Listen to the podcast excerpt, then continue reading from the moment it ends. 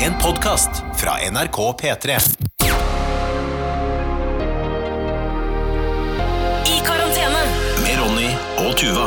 Hallo og god tilstand, og velkommen til podkasten som heter I karantene. Spilt inn i ei stove på beste østkant i hovedstaden en mandag i mai. Mai. Her er, eh, står det et glass med litt Pepsi Max fra i går. Skal du drikke det? Ja, skal vi- Å ja, du drikker det? Du går for det? Å, det Å, er gammelt. ingenting som smaker så kjipt som gammel Pepsi Max. Eh, jeg kan melde om at denne husstanden har gått tom for eh, eh, hver hverdagsmat. Vi har ingenting å spise. Nei. Jeg har spist nudler til frokost. Ja.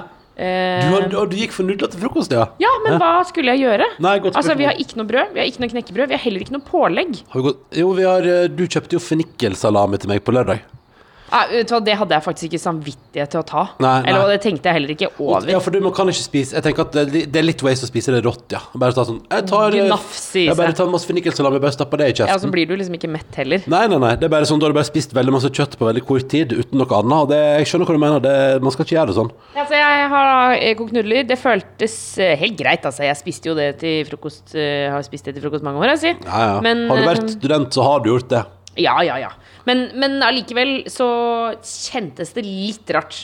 Ja, ja men det tror. Det tror jeg på. Så vi må gå for uh, storhandel nå om ikke så altfor lenge. Ja, Men kanskje vi skal gjøre det i dag, da. Ja. Surre av gårde og ta oss en liten storhandel. Nei, vi må passe oss, for i dag så kommer det noen som skal hente sofaen. Å ja. ja vi, har, vi skal selge sofaen, vi nå. Det gikk. Det gikk til slutt. Bra, bra, bra. Til slutt, så nå skal den selges. Så nå slipper vi å ha to.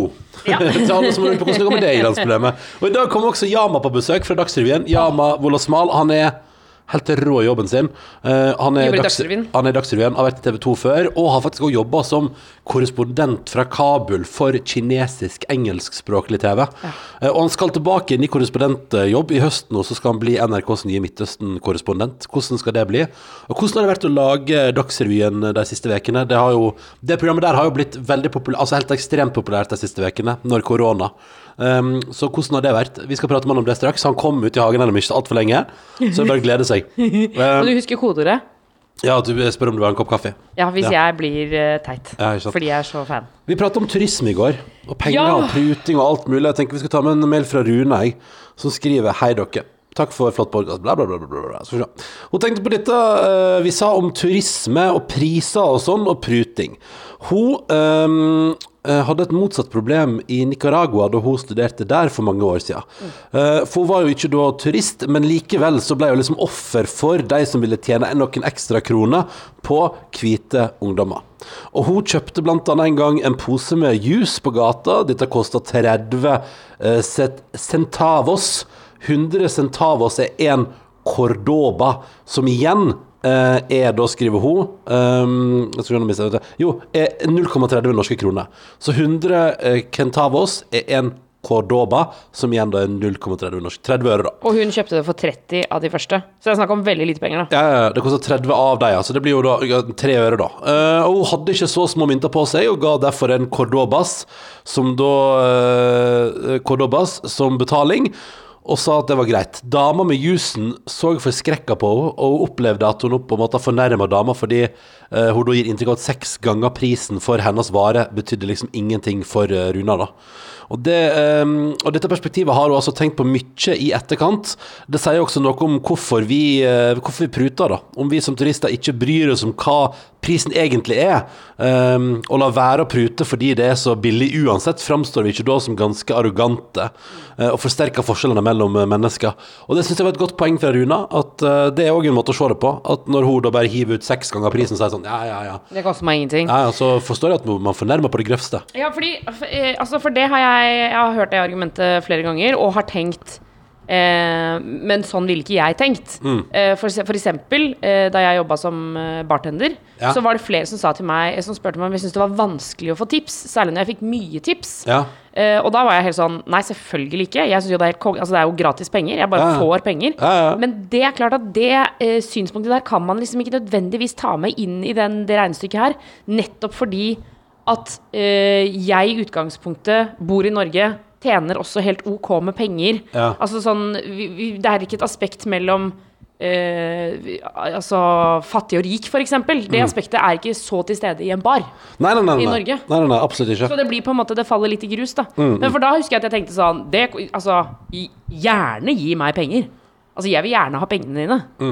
Ja, men nå- det er noe helt annet igjen, da. For, det er litt sånn, for det, tips handler om at man gir en ekstra service fordi et annet menneske har gitt god service. Ja. At man sier sånn 'Dette var bra det du gjorde', og tips er jo en kjempefin eh, ting. Eller det er mange som misliker det òg, da, og syns at det er en litt sånn gammeldags måte å tenke på. Men, men nå er det nå inntil videre sånn at man gir tips hvis service har vært bra i typiske serviceyrker. Men det er et eller annet med at Um, og det forstår jeg at, at når da Ragnar, da, som hører på her Eller nei, unnskyld, Runa. Runa når Runa går på gata i Nicaragua og bare hiver ut seks ganger prisen og sier sånn ja, ja, ja, Ja. så er jo det selvfølgelig Det kan oppleves som fornærmende og arrogant. Absolutt. Absolutt. Vi har fått et annet prutinnspill òg. Skal jeg ta det mens vi er i gang? Ja. Eh, For vi prata om dette her. Hvis du ikke hørte gårsdagen, så vi prata lenge om i går om, om pruting. Om skal turister egentlig betale litt mer? Er ikke det helt greit da, når man likevel gjør en sånn inngripen i et lokalmiljø med å være der og, og nyte det som en feriedestinasjon? Og da har vi fått et kort innspill her, og dette er eh, fra sykesøster Arnesen, som skriver at hun elsker å prute med hyggelige folk. Med trykk på hyggelige, sure folk pruter hun ikke. Men på alle mine reiser har, har det vært pruting på varer som inngår. Eh, tenker jeg alltid hvor mye jeg faktisk er villig til å betale for denne varen. Eh, for eksempel eh, skriver hun ehm, ehm, en liksom silkekåpe i Beijing. Helt OK for meg å betale 170 kroner per stykk. Og så gjelder det da å ikke bli forbanna når man da ser kåpa til 100 kroner et annet sted, ikke sant. Um, altså litt sånn, så det, det tror For eksempel skinnveske i Marokko som hun kjøpte der, pruta ned til 30 eh, skriver hun. Men det var det vi var villige til å betale for den. Ville ikke betale noe mer. Og punkt to, det er lov å gå, både som trussel for å få en eh, bedre pris, men òg at man ikke er interessert i å betale for varen likevel. Uh, og så skriver hun uh, at hun også syntes det var hyggelig at vi prata bra om skiatos, uh, og har vært der fra hun var 60, hun var 18 år. Vært der uh, sammen med familien hvert eneste år. Den gruppa elsker hun. Men, men det er jo et poeng da fra søster Arnesen her, at, at det er litt sånn Kanskje man innerst inne når det handler om pruting, da, bør bestemme seg for hva det er man er villig til å gi. Ja. Ja. Og så må du på en måte bare akseptere det, at det var det du var villig til å gi. Og hvis du da har blitt lurt, ja, men da ga du det. Du var villig til å gi det. Vi har også fått inn en mail eh, fra Jente27, em, som skriver at eh, Hun skriver også om liksom det argumentet som du snakka om i går, som kompisen din eh, nevnte. Ja, ja. Det med at turister må prute for å holde prisene nede. For hvis ikke, så går bare prisene bare opp, opp, opp, opp, opp hele veien. Og at varen som regel er verdt en fjerdedel til halvparten av den prisen du først får. Mm. Og det samme gjelder tipsing. Eh, mener at vi ikke må tipse mer enn det som er regelen i landet du besøker, og at det finnes en tipsguide på nett Mm. med land og prosent. Og som regel så er det 10 der hvor det er mye turisme. Ikke sant? Ikke sant. Så da må man eh, gjøre det. Også. Men får du utrolig bra service, så er det bare å fyre på med tips, altså. ja, men det er det hun sier at man ikke skal. Jo, men hvis du får skikkelig, skikkelig bra service, standarden er 10, og hvis du får skikkelig bra, så må du uppe litt, da. Ja, men, for, ja, men det er jo akkurat det hun sier man ikke skal gjøre. Ja, men Mener du at tips skal være fla... Altså, tips handler om at man, du gir ekstra ut ifra servicen du får.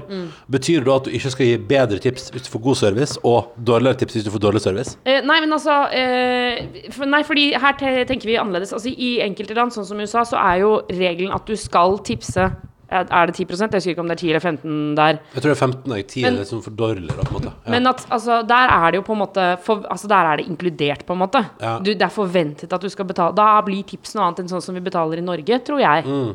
Det er min tanke. ja. Nei, nei, flere innspill her òg, folkens. Bare kjør på. Ja. Durer på.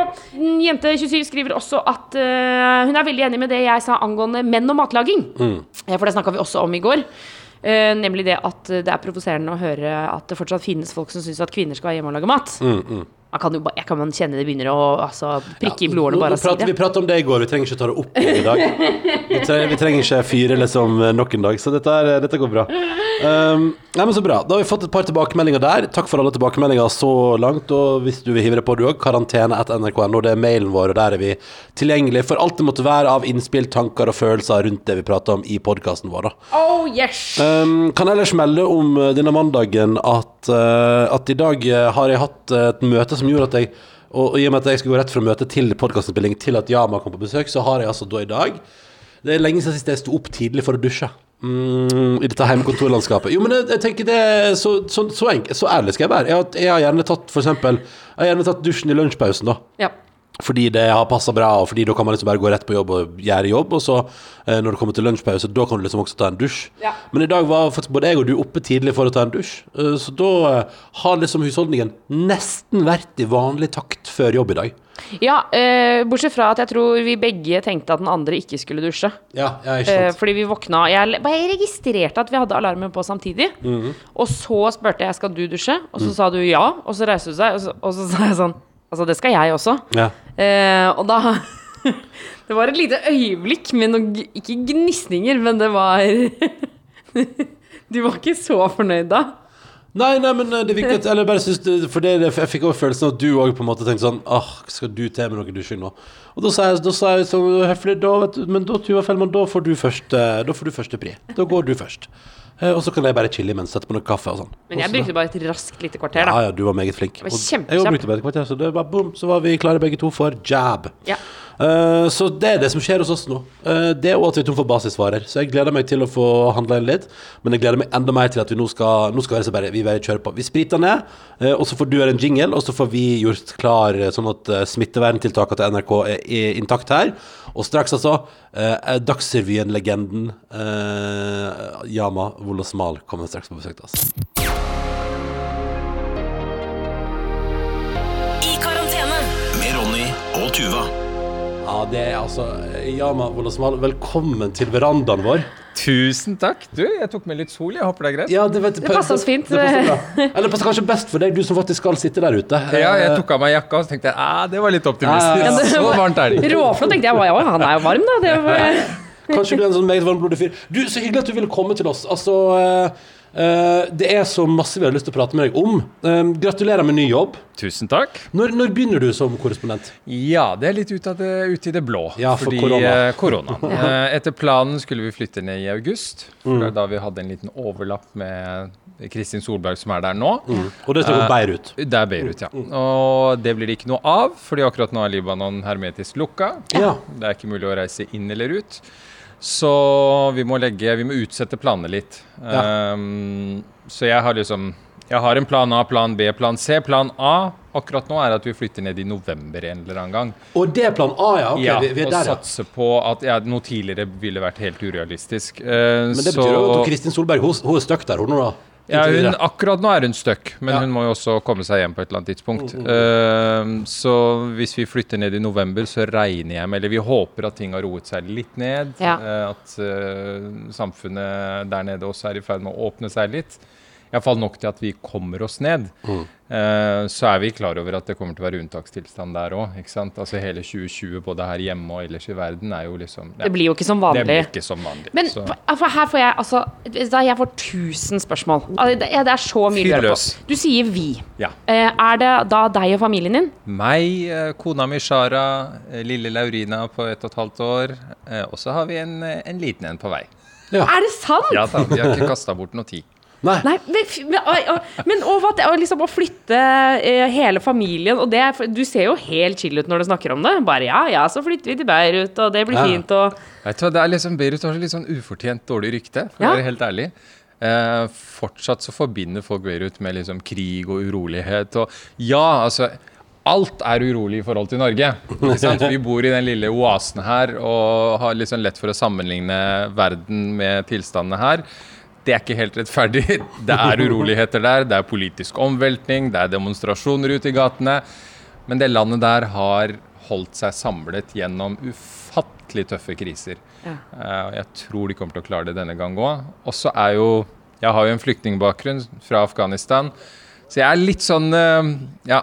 Mitt forhold til sikkerhet er litt sånn relativt i forhold til andre, ikke sant? Fordi jeg eh, Jeg tenker Beirut, det er Paris for meg. Ja, ikke sant? Okay. Ja, ja, ja. Det er Det er sånn, ja, det er yrende gateliv, og det går fint. Og det er litt demonstrasjoner i gatene, men herregud, det bare skaper litt liv og røre, det. Men er, er liksom er, er Libanon, er Beirut liksom den, den trygge sone på et vis? Eller liksom den mest stabile sone i Det er jo en grunn til at vi, er, vi har vært der den siste perioden nå, at Kristin Solberg har vært der. Eh, det er jo et sted hvor du har veldig bra tilgang til hele Midtøsten. Det er bra flyforbindelser.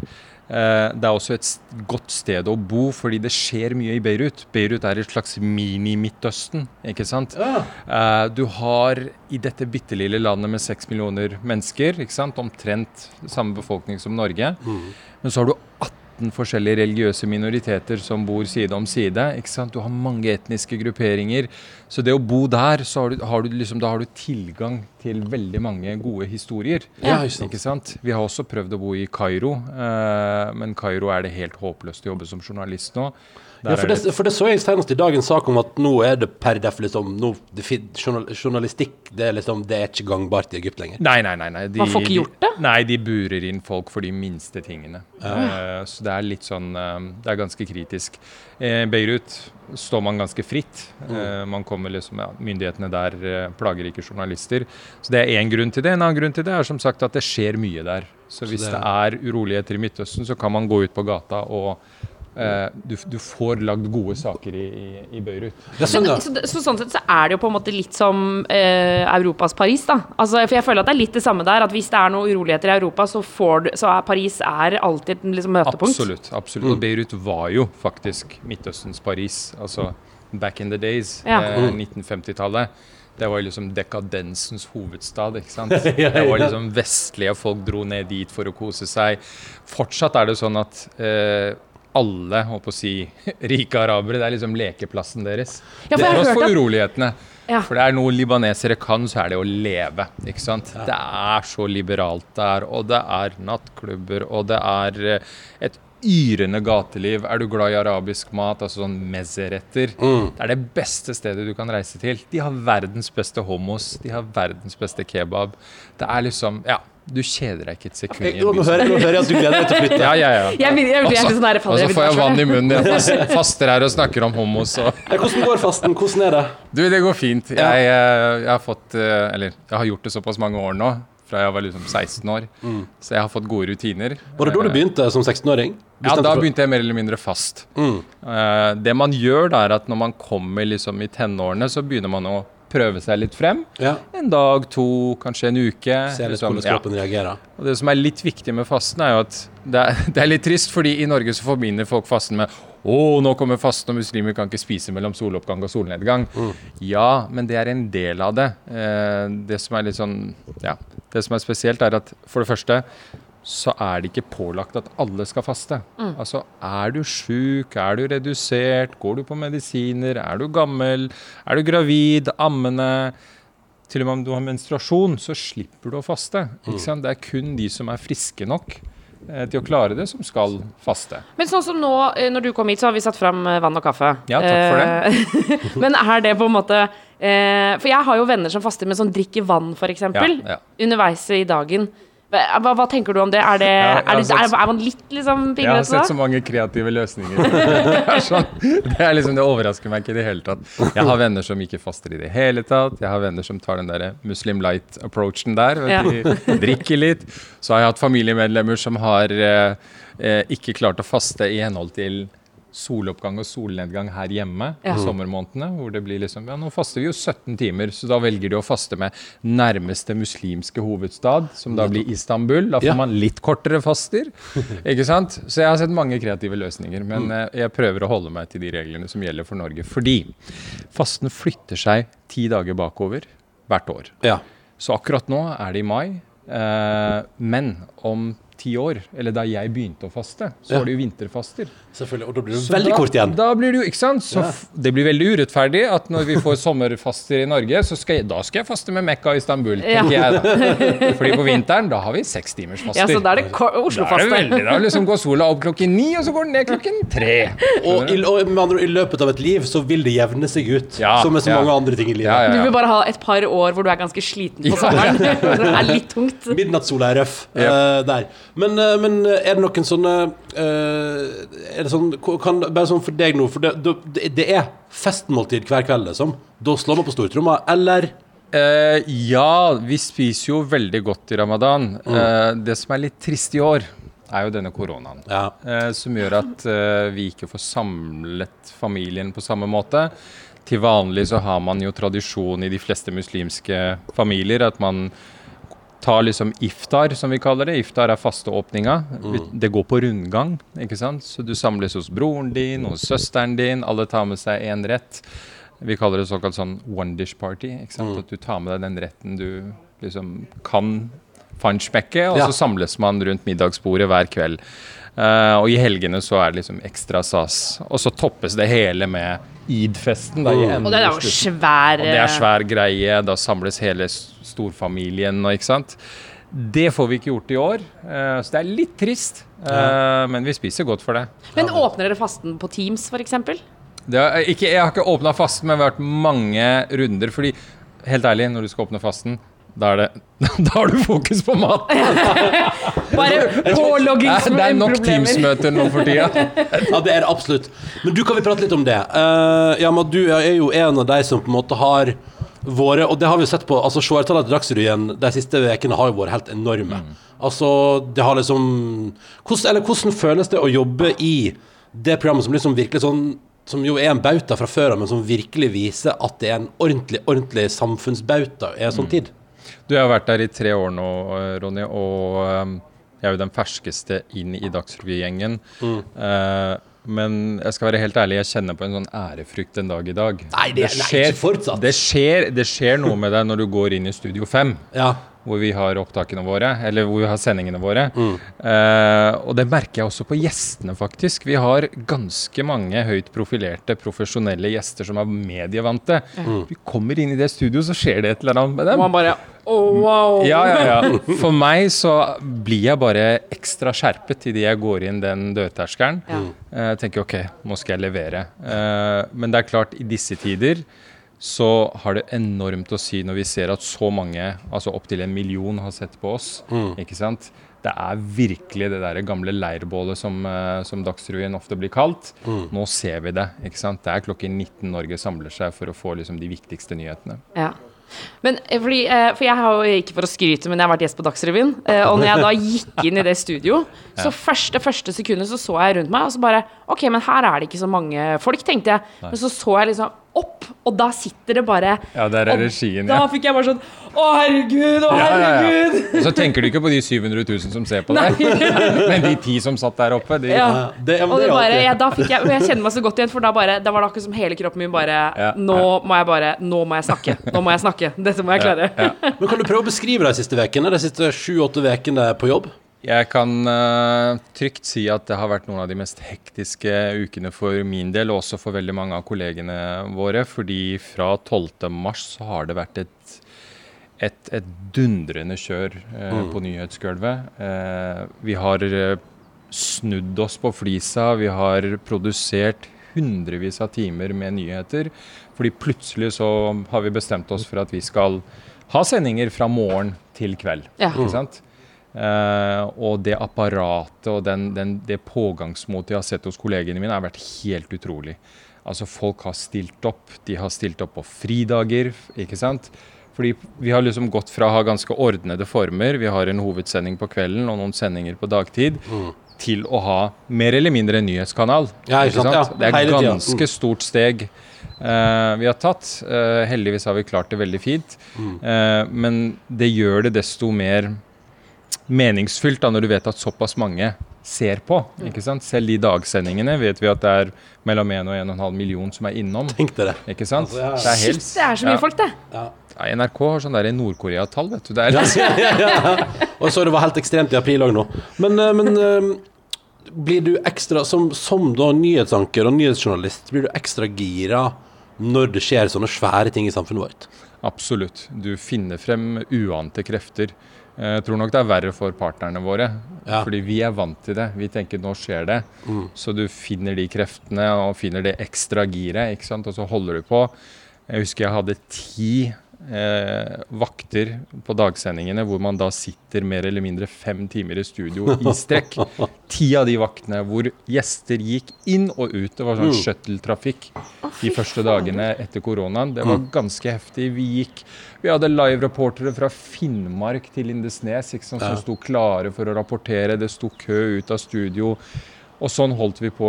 Jeg holdt på i ti dager. ikke sant? Og da så fikk jeg beskjed hjemmefra om at «Å, må vi roe oss er litt. det Nå er jeg aleine med en eh, ett og et halvt åring og en i magen. Kanskje du skal være litt mer hjemme. Men? Når er det dere skal få barn, da?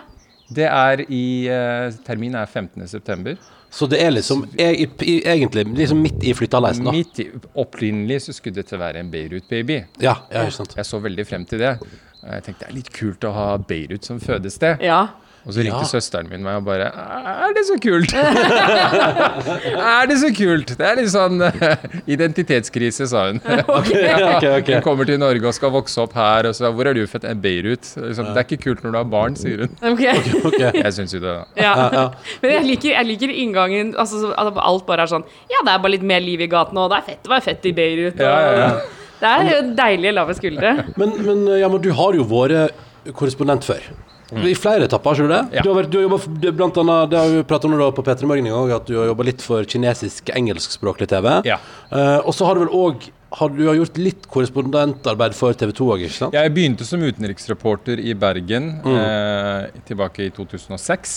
Eh, da jobbet jeg mest på desken. Jeg fikk ikke reist så mye ut. Eh, og da valgte jeg å ta saken i egne hender Det og flytte til Afghanistan.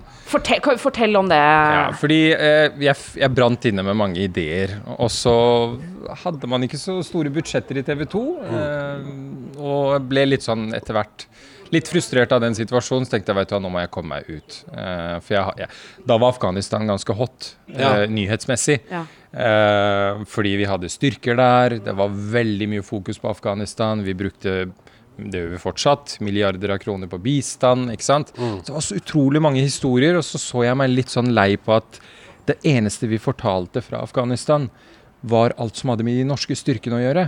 Og de norske styrkene lå oppe i en, en liten provins nordvest i landet, som egentlig var en, Til å begynne med var det et sånn stille hjørne i Afghanistan. Urolighetene var et helt annet sted, sør i landet. Og så satt jeg her i, i, i Norge og tenkte dæven, nå, må vi- nå må vi komme oss der det skjer. ikke sant? Eh, så jeg valgte å flytte til Afghanistan. eh, rapporterte både for TV 2, og så snublet jeg over denne avtalen med CCTV. Det var en kollega av meg i Kabul som sa du, kineserne leter etter Og så først så lo jeg meg skakk i hjel. Bare Hæ, kineserne? Skal jeg jobbe for kineserne? Ja, nei, det er engelskspråklig, ja, men likevel. Og så tok jeg en telefon til dem, og de, gjennom tre intervjurunder så fikk jeg jobben som deres korrespondent i Kabul. Og det har ikke jeg angra et sekund på, for det var en sinnssyk opplevelse. Ja, for hvordan, hva, hva skjedde da? liksom? Hva gjorde du, og hvordan, hvordan fungerte det i praksis? Ja, Formelt var jeg jo frilanser for dem, eh, men jeg var på en måte deres mann i Kabul. Og så er fordelen med å jobbe et sted som Afghanistan at det er fortsatt ansett for å være et av de farligste landene i verden. Så hvis du klarer å manøvrere deg i Afghanistan og klarer å jobbe der og finne saker der, så er du på en måte um, Da er du forberedt på de fleste konflikter. Så det de gjorde, da, at jeg begynte å jobbe for dem i Afghanistan. Og så kom den arabiske våren i 2011. Det smalt jo i Midtøsten i land etter land. ikke sant? ja. Folkeopprør mot uh, ulike diktatorer. Og da sa kineserne vi vil sende deg til Midtøsten. Ja. Og det var et ja, det var kanskje det mest hektiske året for meg som journalist. Uh, Det var åtte måneder mer eller mindre kontinuerlig eh, reising mellom Tunisia, mest i Libya, hvor denne litt gale diktatoren Ja, Gaddafi hadde styrt folks liv i Stemmer, stemmer. 42 år. Så husker jeg min første live for kineserne fra Kabul, hvor de bare Jeg hadde en veldig hyggelig produsent på øret. Bare, Hei, Amma, great to have you. Ja, ja, ja, fint. Og det er en helt vanlig samtale du har med produsere, uansett hvem du jobber for. Og så sier hun rett før jeg skal på 30 seconds now, Yaman. Remember, you have 90 million viewers. Sånn. ja. Kanskje jeg ikke skulle få den beskjeden rett før jeg skulle på. Det er veldig bra. Det er så virkelig å legge Ja, ja. press. Men hva, husker du hva den første liven var om? Hva, prat, hva du prata Det var om? en selvmordsaksjon. Det var det, ja. Det var det. Så du var rett på i liksom midt Ja, det, ja, det, i the Storm? storm. det var jo mye som skjedde i Kabul på den tida. Det gjør det jo for så vidt nå også. Men det var ganske stygt angrep som var ganske eh, nært kontoret vårt. Vi hadde et kontor på, oppå en ås i ambassadestrøket i Kabul, og det er et utsatt område. Vi har to gater bortenfor den norske ambassaden, for så vidt. Eh, og så var det supermarked som het Finest. Eh, det var et sånt supermarked som de hadde bygd for ekspatene. ikke sant? Det var Ja. stive priser, men der fant du alt fra O'boy til ikke sant? Ja, der fant du Så de der gikk jo alle hjelpearbeiderne, diplomatene, ikke sant. Alle afghanerne med godt betalte jobber handla jo der. Og det var ganske bra med sikkerhet der, men likevel så hadde en fyr kommet seg inn og sprengt seg inne i, I supermarkedet. Ja. Så vi hørte jo at det rista i bygningen vår òg, ikke sant. Så dro vi dit, og det var helt sånn uvirkelige scener. ikke sant? Men hva skjer med deg da? Altså, hva, hva skjer inni deg da? Vet du, Umiddelbart så går du i en sånn nyhetsmodus, ikke sant. Eh, vi har jo egentlig nyhetsjournalister, og i hvert fall de som er ute i felt, er skrudd sammen annerledes enn vanlige mennesker, eh, vil jeg si. Fordi der andre hører et smell og tenker 'her må jeg komme meg vekk', så tenker vi motsatt. Da var det liksom si fra til kameramann, dra med seg kamera og bare beine ned til det supermarkedet og få de første bildene, ikke sant. Eh, få snakka med folk. Eh, så der andre trekker seg vekk, er vi nødt til å reise inn. Um, og det er det vi gjorde. Men rekker du å bli redd? Eller, eller rekker I etterkant. i etterkant? Ja. Den følelsen kommer som regel etterpå. Du er så proppfull av adrenalin idet ting skjer. At, og det er, det er jo kroppens overlevelsesmekanisme. ikke sant? At du, følelsene blir på en måte beskyttet sånn sett. Du går ut, du gjør jobben, og etterpå, når du ser på bildene i en trygg eh, omgivelse, da synker de inn. Og da, da har det hendt at jeg har tenkt oh, jeg var litt for nærme. Mm, Gikk litt for tidlig inn. Um, så man lærer jo hele tiden. Vi ser jo ofte at i, i land som Afghanistan, hvor du har terrorgrupper som opererer, så har de jo også begynt med en sånn ganske makaber rutine hvor de, det går av én bombe, og da vet de at folk strømmer til. Både de som vil hjelpe til, ambulanser, journalister. Og så kommer det en ny bølge med angrep. Ja, ikke Ikke sant. sant? For de vet at For de vet at de kommer, ja. Så de har alltid to selvmordsbombere som regel i sentrum. Den ene sprenger seg, folk strømmer til, og fem minutter senere, når det er folkehav der, så sprenger han andre seg. Um, så det, det er sånn du lærer etter hvert at OK, uh, litt is i magen. Ja. Ikke løpe inn med en gang. Litt på avstand. Ja, litt på avstand. Har, du, har du vært i Nei, vær så god, Tuva. Nei, jeg bare men for, Kan jeg spørre, hva sier, hva sier kona di, for eksempel? Um, det er jo Det er ikke lett. Eh, Jeg skal ikke legge skjul på det. Men min kone har jo også eh, ikke helt A4-bakgrunn. Hun har flyktningbakgrunn. Hun har eh, Hun husker da hun var tre-fire år gammel en dramatisk flukt fra de kurdiske områdene i Irak gjennom Iran til Pakistan. Bodde der i flere år som flyktninger, kom til trygge Norge på 80-tallet. Hun har jo eh, litt annen bagasje enn enn enn folk en flest flest i Norge. Ikke sant? Ja. Den jevne nordmannen.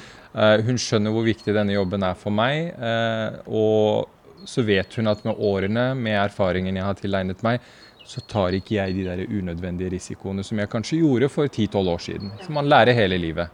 Um, så hun vet at når jeg bestemmer meg for å reise inn i et konfliktområde, da har jeg gjort ganske grundige vurderinger.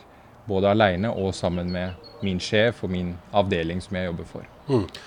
Hva er det som gjør at du, du Jeg forsto det sånn at du, du var liksom overmoden for å komme deg ut igjen som korrespondent nå.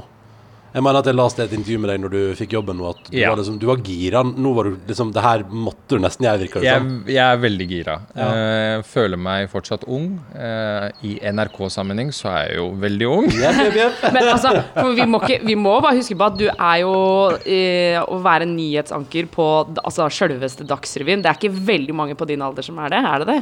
Nei, jeg tror Rima, Rima er yngre enn meg. Ja. Men det er dere altså, ja, sånn, vi, sånn, Det er dere to som er unge. ja, vi er unge, og jeg føler at uh, jeg har så gode minner uh, fra den tiden da jeg var ute i felt. Og nå følte jeg at tiden var inne for at jeg bør komme meg ut, for jeg har en god del ideer, jeg har kreativitet. Um, og jeg tenker også livssituasjonen akkurat nå. Det høres kanskje rart ut, men om fem år så hadde det ikke vært mulig for meg å reise ut. For da skal lille Laurina på skolen, og jeg har ikke hjerte til å ta henne ut av skolen. Så vi har et vindu nå på fire år eh, hvor vi er relativt fleksible med tanke på hvor vi kan bo.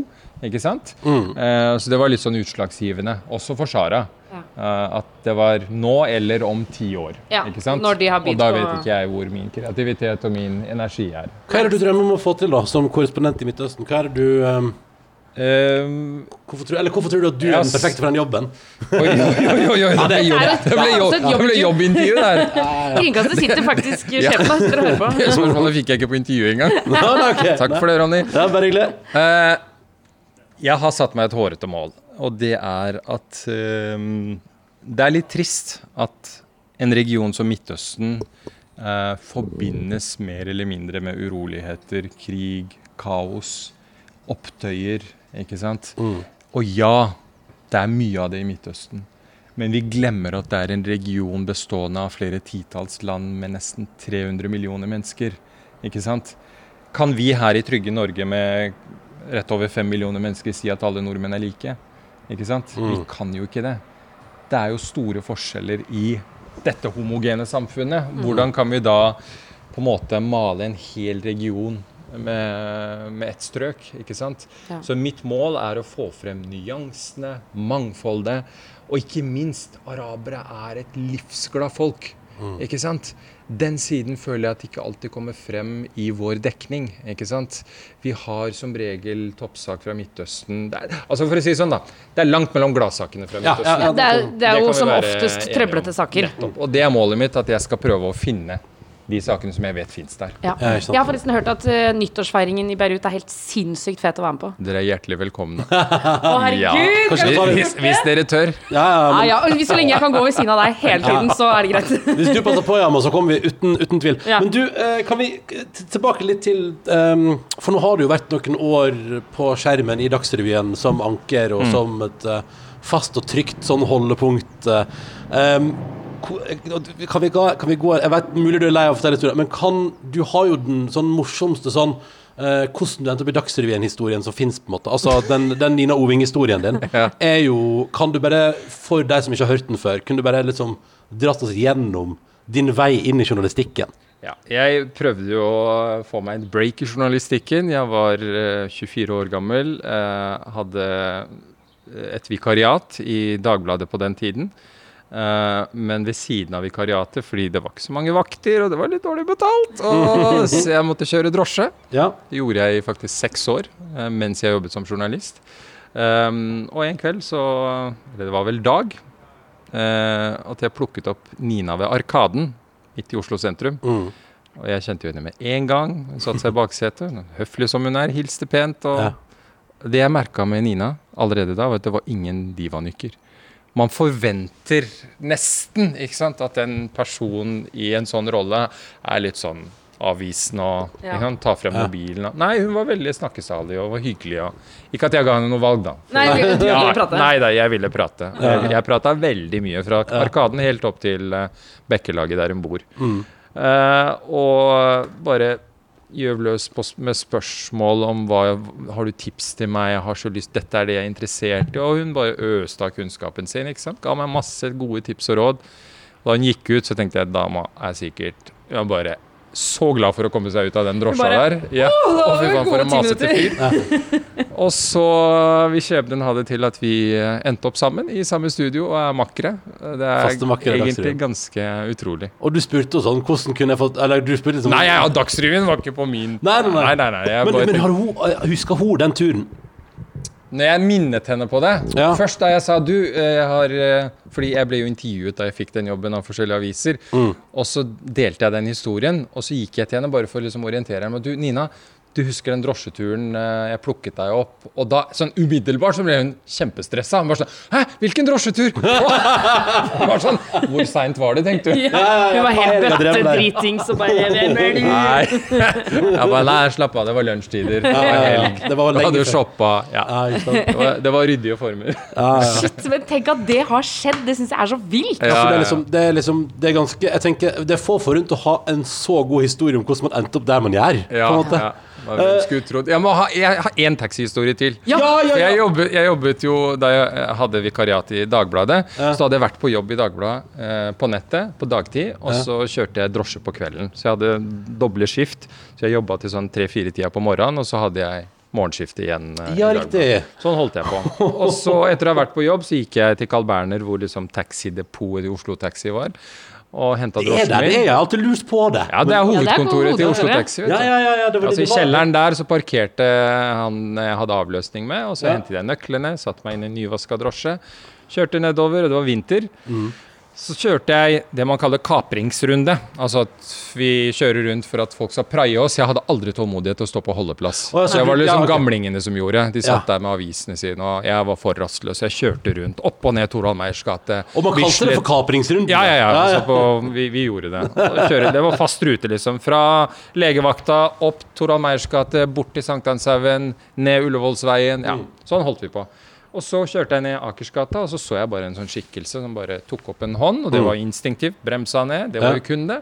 Satte seg inn, så ikke på han, skulle opp til Nydalen, kjørte av gårde oppover eh, Ullevålsveien, og så plutselig hører jeg Jama! Så snur jeg meg, så, så er det min vaktsjef. Nei, er det sant? Som jeg har jobba med på dagtid, og han hadde ikke fortalt at jeg kjører drosje. Ja, han bare 'Kjører du drosje?' Jeg bare Ja, du, du gir meg ikke så veldig mange vakter, så jeg er nødt til det. Å, gud. Men, eh, Så det var litt sånn men fikk du flere vakter av det?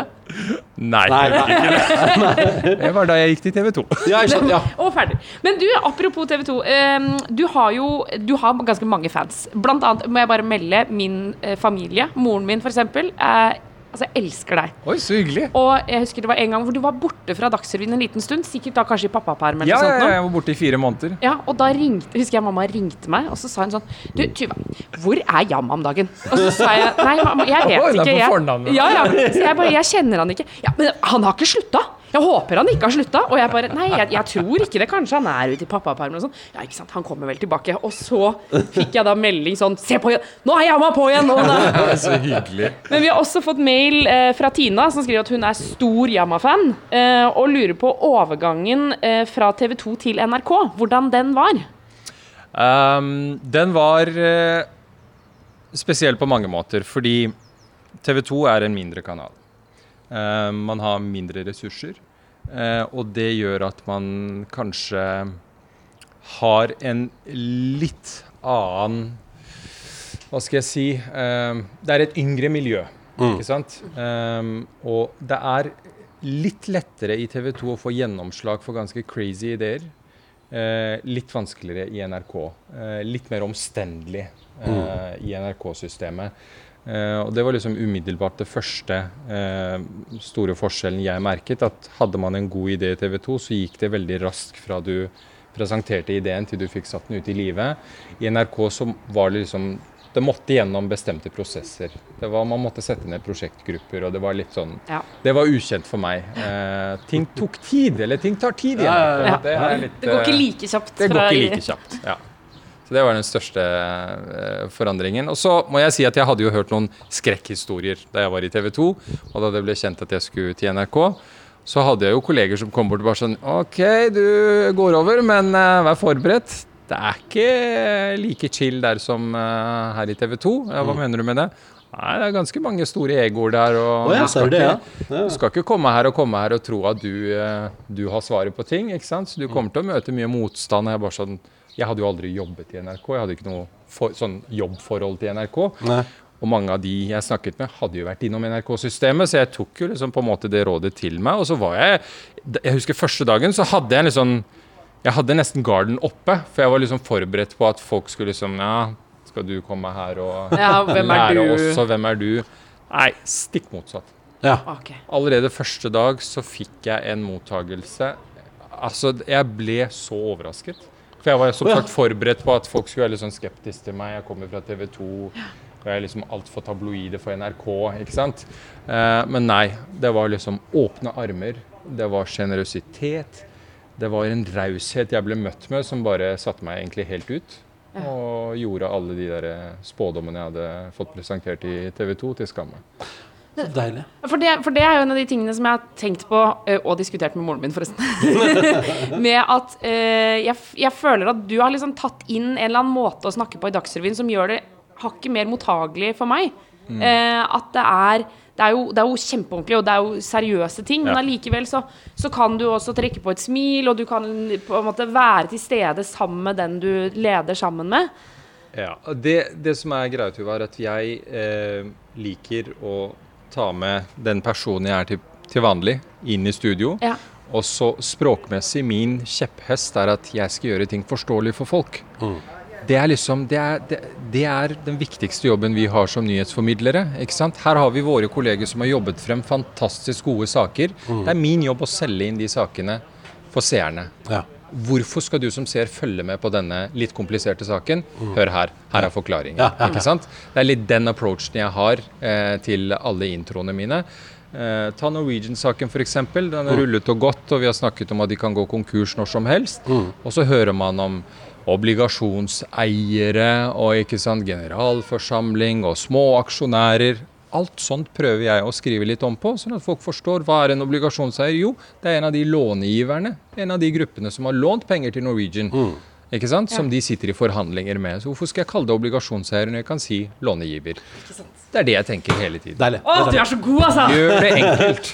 Kan jeg bare si at du refererer til det? Er det det du liksom har jobba med i dag? Har du, har du, har du styra på med Norwegian-saken i dag? Nei, i dag har jeg dagvakt, så jeg litt sånn, eh, vi har sånn, eh, hvor vi gjør unna litt sånn administrasjon og sånt. Så jeg har, ikke, jeg har ikke noe direkte med sendingen å gjøre. Fiksa og triksa og styra Ja, ja. Men, men, eh, men ja, hvordan, hvordan har åra Nå søker du deg Nå skal du jo bli utenrikskorrespondent i Midtøsten, men hvordan har Du sier at du ble tatt varmt imot. Hvordan har åra i, i Dagsrevyen-studioet vært? Det har vært helt fantastisk tid, Ronny. Jeg fikk en utrolig fin mottagelse. Det første jeg fikk beskjed om, er at du skal komme hit eh, med den given du hadde i TV 2. Eh, Ja. Du skal ikke bli som oss, ikke sant. Eh, vi vil gjerne at du skal fortsette med det du gjorde i TV 2. Og det var veldig betryggende for meg å høre. Fordi man blir, og det, det vet jeg av erfaring, ikke bare programledere, men også reportere som jobber for et flaggskip som Dagsrevyen. Man blir litt stresset av det. Eh, Man tenker ok, må jeg gjøre ting på bestemte måter? ikke sant? Det var det jeg også tenkte. Jeg fikk beskjed allerede dag én at det skal du ikke tenke på. Bare kjør på med det du har gjort. Det er derfor du har fått jobben. Ja. ikke sant? Og det er det jeg også sier til reporterne våre. ikke sant? Ikke tro at vi har en fast mal i Dagsrevyen. Det er Kom med crazy ideer, så skal vi eh, få det på lufta. Har du fått um, Hva er liksom um, slags tilbakemeldinger får du? Når dere surrer av gårde på, på skjermen der, og det er det mest sette programmet i Norge. Hva, Vet du, hva, hva det, det koseligste er at jeg den dag i dag får eh, håndskrevne postkort. Ja, du gjør det, ja? Ja, Ja. det er så rørende eh, å få Gjerne med sånn gammeldags løkkeskrift. Det er så utrolig koselig. Eh, særlig eldre som sier at de eh, De liker at jeg snakker så klart og tydelig. Ja, ja. Ja, Ja. det får jeg høre av eh, etniske nordmenn som er eldre. ja. Og så eh, er det jo også veldig rørende å se at eh, folk med minoritetsbakgrunn eh, tar kontakt enten på mail eller de stopper meg på gata og sier at vet du hva, det at du er på Dagsrevyen eh, gjør at jeg får håp. Mm. at, fordi man kan miste motet litt som minoritet og tenke at vet du hva, det er glasstak her, og man kommer ikke gjennom uansett hvor dyktig du er. Og når jeg får høre da at når folk med min bakgrunn ser meg på skjermen, så tenker de vet du hva, det er mulig. Det er mulighet for alle i Norge. Det er ganske rørende, altså. Eh, og det gjør jobben enda mer betydningsfull for meg. For jeg visste at da jeg vokste opp, så hadde jeg jo ikke så mange positive forbilder eh, å se opp til. Man ser jo opp til de man ligner på. ikke sant? Det er helt det er menneskelig natur. Eh, alle vi så på TV var jo etniske nordmenn. Eh, og så hadde vi veldig mange dårlige forbilder i form av A- og B-gjengen ikke sant? da jeg vokste opp. Så, så det er veldig godt å vite når du blir stoppet av en nyankommen flyktning som sier at vet du hva, jeg liker å se på nyheter fordi du snakker så klart og tydelig, og jeg forstår hva du sier. Men for, hvor er du vokst opp? Grünerløkka! Du har vokst opp på Grünerløkka. Ja, ja, ja. Hjertet Første 20 årene av eh, livet vårt her eh, var på Grünerløkka. Skaus plass, nærmere bestemt, rett bak biblioteket der. Så de gatene der, hele Løkka, har liksom vært vår lekeplass. Jeg har alle mine beste minner fra Løkka, selv om det var et ganske slitent Løkka på den tiden. Ja, fordi for- Det var ikke det hippe og kule. Nei, det var ikke så trendy da. Nei, langt derifra. Det var liksom en uh, ganske trist blanding av eh, ressurssvake mennesker som var stuet sammen. Både, både etnisk norske som gikk på trygd, og alle innvandrerne og flyktninger. Og den bygården vi bodde i. Den var for så vidt ny, men det var, uh, veldig få som uh, jobba. Ja. Det var veldig få eh, som gikk på jobb, og de fleste var hjemme og hevet trygd og gikk på Nav. og og så etter hvert så kom det litt sånn hasjsalg ut, utenfor blokka vår. Ja, og ja, da, så når jeg gikk fra Skaus plass bort til eh, Fra bygningen vår bort til 7-Eleven i krysset Tor Meyers gate der, Mm. Så ble det jo tilbudt hasj tre steder, ikke sant. På den korte avstanden der. Eh, og så etter hvert så kom det en hyggelig gjeng med bulgarske jenter i fjerde etasje. Eh, Ja. skjønte jo ikke hva de drev med før vi så at de henta posten i eh, undertøy. Og Og hadde litt jaha, besøk. de hadde De drev et lite bordell der. Ja, riktig. Så, men til tross for det, jeg har mine beste minner fra, minner fra Løkka. Men hva syns du om når Løkka har blitt uh, så hipt og trendy som det er nå? Altså, gjør det at du blir litt skeptisk? Ja, Løkka har mista litt av sjelen. Jeg, jeg har jo mine barndomsminner fra de gatene, men det er veldig mange som har flyttet inn utenifra. Nå høres jeg ut som en sånn skeptisk nordmann som snakker om innvandrere. Hæ? Nå merka jeg det idet jeg sa det! Ja, kommer de her og ødelegger Løkka? Ja, Ta sjela. tar sjela. Ja, det kommer er det? helt feil ut. fra å lage Espresso House. Ja, faen! Å, fy søren. Ja, det er veldig gøy. det godt at jeg Ja, men, men, eh, men det der er, men, eh, så, så for deg, det, det, er liksom, det, det er ikke det samme Det er ikke den samme gleden i å henge Du henger ikke på Løkka på fritida Jeg nå? gjør faktisk det, for mamma bor fortsatt der. Ah. Ja, ja, ja. I samme blokka? Nei, nei, ikke samme Ah, okay, nei, okay, okay. Nei, det var for stor leilighet. Nå Ah. bor hun for seg selv. Ah, riktig, Så nei, vi henger mye på Løkka. Eh, Løkka har, vil alltid ha et spesielt plass i hjertet mitt, men uh, jeg ser litt rart på alle de nyinnflyttede, glatte folka som bor der nå. Men, men ja, men et par kjappe ting på, på tampen her. Fordi vi, vi, vi bare sånn av, av nysgjerrighet uh, Nå har vi pratet masse om, om uh, journalisten Mm. uh, Yama, men hva, hva, hva slags fyr er du på fritida? Hva slags hobby, sa du? Jeg er en eh, over gjennomsnittet sosial type. Ja, Eh, Det kan jeg ikke for meg. Jeg føler at det liksom er journalistens uh... Ja, det, det var jeg jo før jeg ble journalist. Eh, Vi hadde kanskje ikke noe valg, fordi familien Hjemmet vårt på Gr- Grünerløkka var jo et sånt Det var et slags nav for eh, hele slekta, for eh, det utvidede norsk-afghanske miljøet. Pappa var den eldste norsk-afghaneren i Norge. Så Her var det? ja, ja, han var en av de eldre, for han kom jo hit da han var 55 år gammel. Og i vår kultur så er det sånn at de eldre skal respekteres, du skal besøke de eldre, selv om du ikke er i slekt med dem. Folk visste hvem han var, så vi hadde jo liksom Det var ikke en helg uten masse besøk. Ikke sant? Det var liksom Stakkars naboene når jeg tenker tilbake på den tida der. Vi hadde jo skorekker ut, langt ut i heisen, ikke sant. For Vi var så mye besøk, vi hadde ikke plass til skoene inne. Sånn holdt vi jo, bare tok oss til rette. Hele oppgangen var liksom vår. Ehm, så vi fikk jo liksom dette med selskap og sosialisering inn med morsmelken. Uh, så det er noe jeg er veldig glad i. Jeg har liksom ikke helt skjønt det der konseptet med egentid. Nei. Shara, min kone, har en litt annen bakgrunn. Hun, er jo, hun har innvandrerbakgrunn, men de har hatt et mindre miljø. Eh, ikke så mange mennesker i nettverket sitt. Det har dreid seg om kjernefamilie, mer eller mindre. Mens vi har liksom Å, ny nabo, inviter han inn! Og, ikke sant? Det er liksom, mamma kommer hjem fra en tur i Dubai, f.eks. Ja. Og sier ja, jeg har funnet meg en bror der. Alle var brødrene hennes. Ja, ja, ja. Nei, jeg satt på med en drosjesjåfør som kjørte meg fra flyplassen. Jeg fikk nummeret hans, så neste gang vi drar, så må vi besøke han. Ja, ja, ja, ja, Og han insisterte på at når du tar med familien, så må du komme. Og det Ja. gjorde vi. Ja, ja. Og, og dere gjorde det? ja, ja, ja, det gjorde vi. Det var liksom, sånn var det. Så, så da Shara kom inn i livet mitt, så var hun veldig sånn Vi må liksom ha litt egentid. Og jeg, for meg var det et fremmedord. Sånn egentid. Altså når jeg har fri, så vil jeg være rundt de jeg er glad i. ikke sant? Om det er venner eller familie. Det gir meg energi. Men folk flest blir jo tømt litt av akkurat det der. ikke sant? At det er mye liv og røre rundt dem. Men du firer på det? Hva da? Du feeder på det, liksom? Ja, Altså, ja, ja. Ja, ja, jeg blir gira etter et stort selskap hjemme hos oss. Eh? Så Men er, er, dere, er dere sånn som alltid inviterer? Har du tatt med deg det videre? Vi har liksom? funnet en eh, gyllen middelvei. Ja. Ok, ok, ok. Ja, jeg tror ikke jeg hadde Hun hadde ikke overlevd med meg hvis jeg hadde dundra på sånn som jeg pleide. Så det har blitt en sånn mellomting. Hun er selv veldig sosial, uh, men jeg dro det jo veldig langt. Ikke sant? Ja. Jeg var på et helt annet nivå. Ja, for da er det sånn Det kommer 15 kompiser, og vi Ja, skal ja, ja. spise ja, ja, ja, ja. Ja. Eh, men det skal sies, da. Jeg er ikke en sånn type som ikke står på.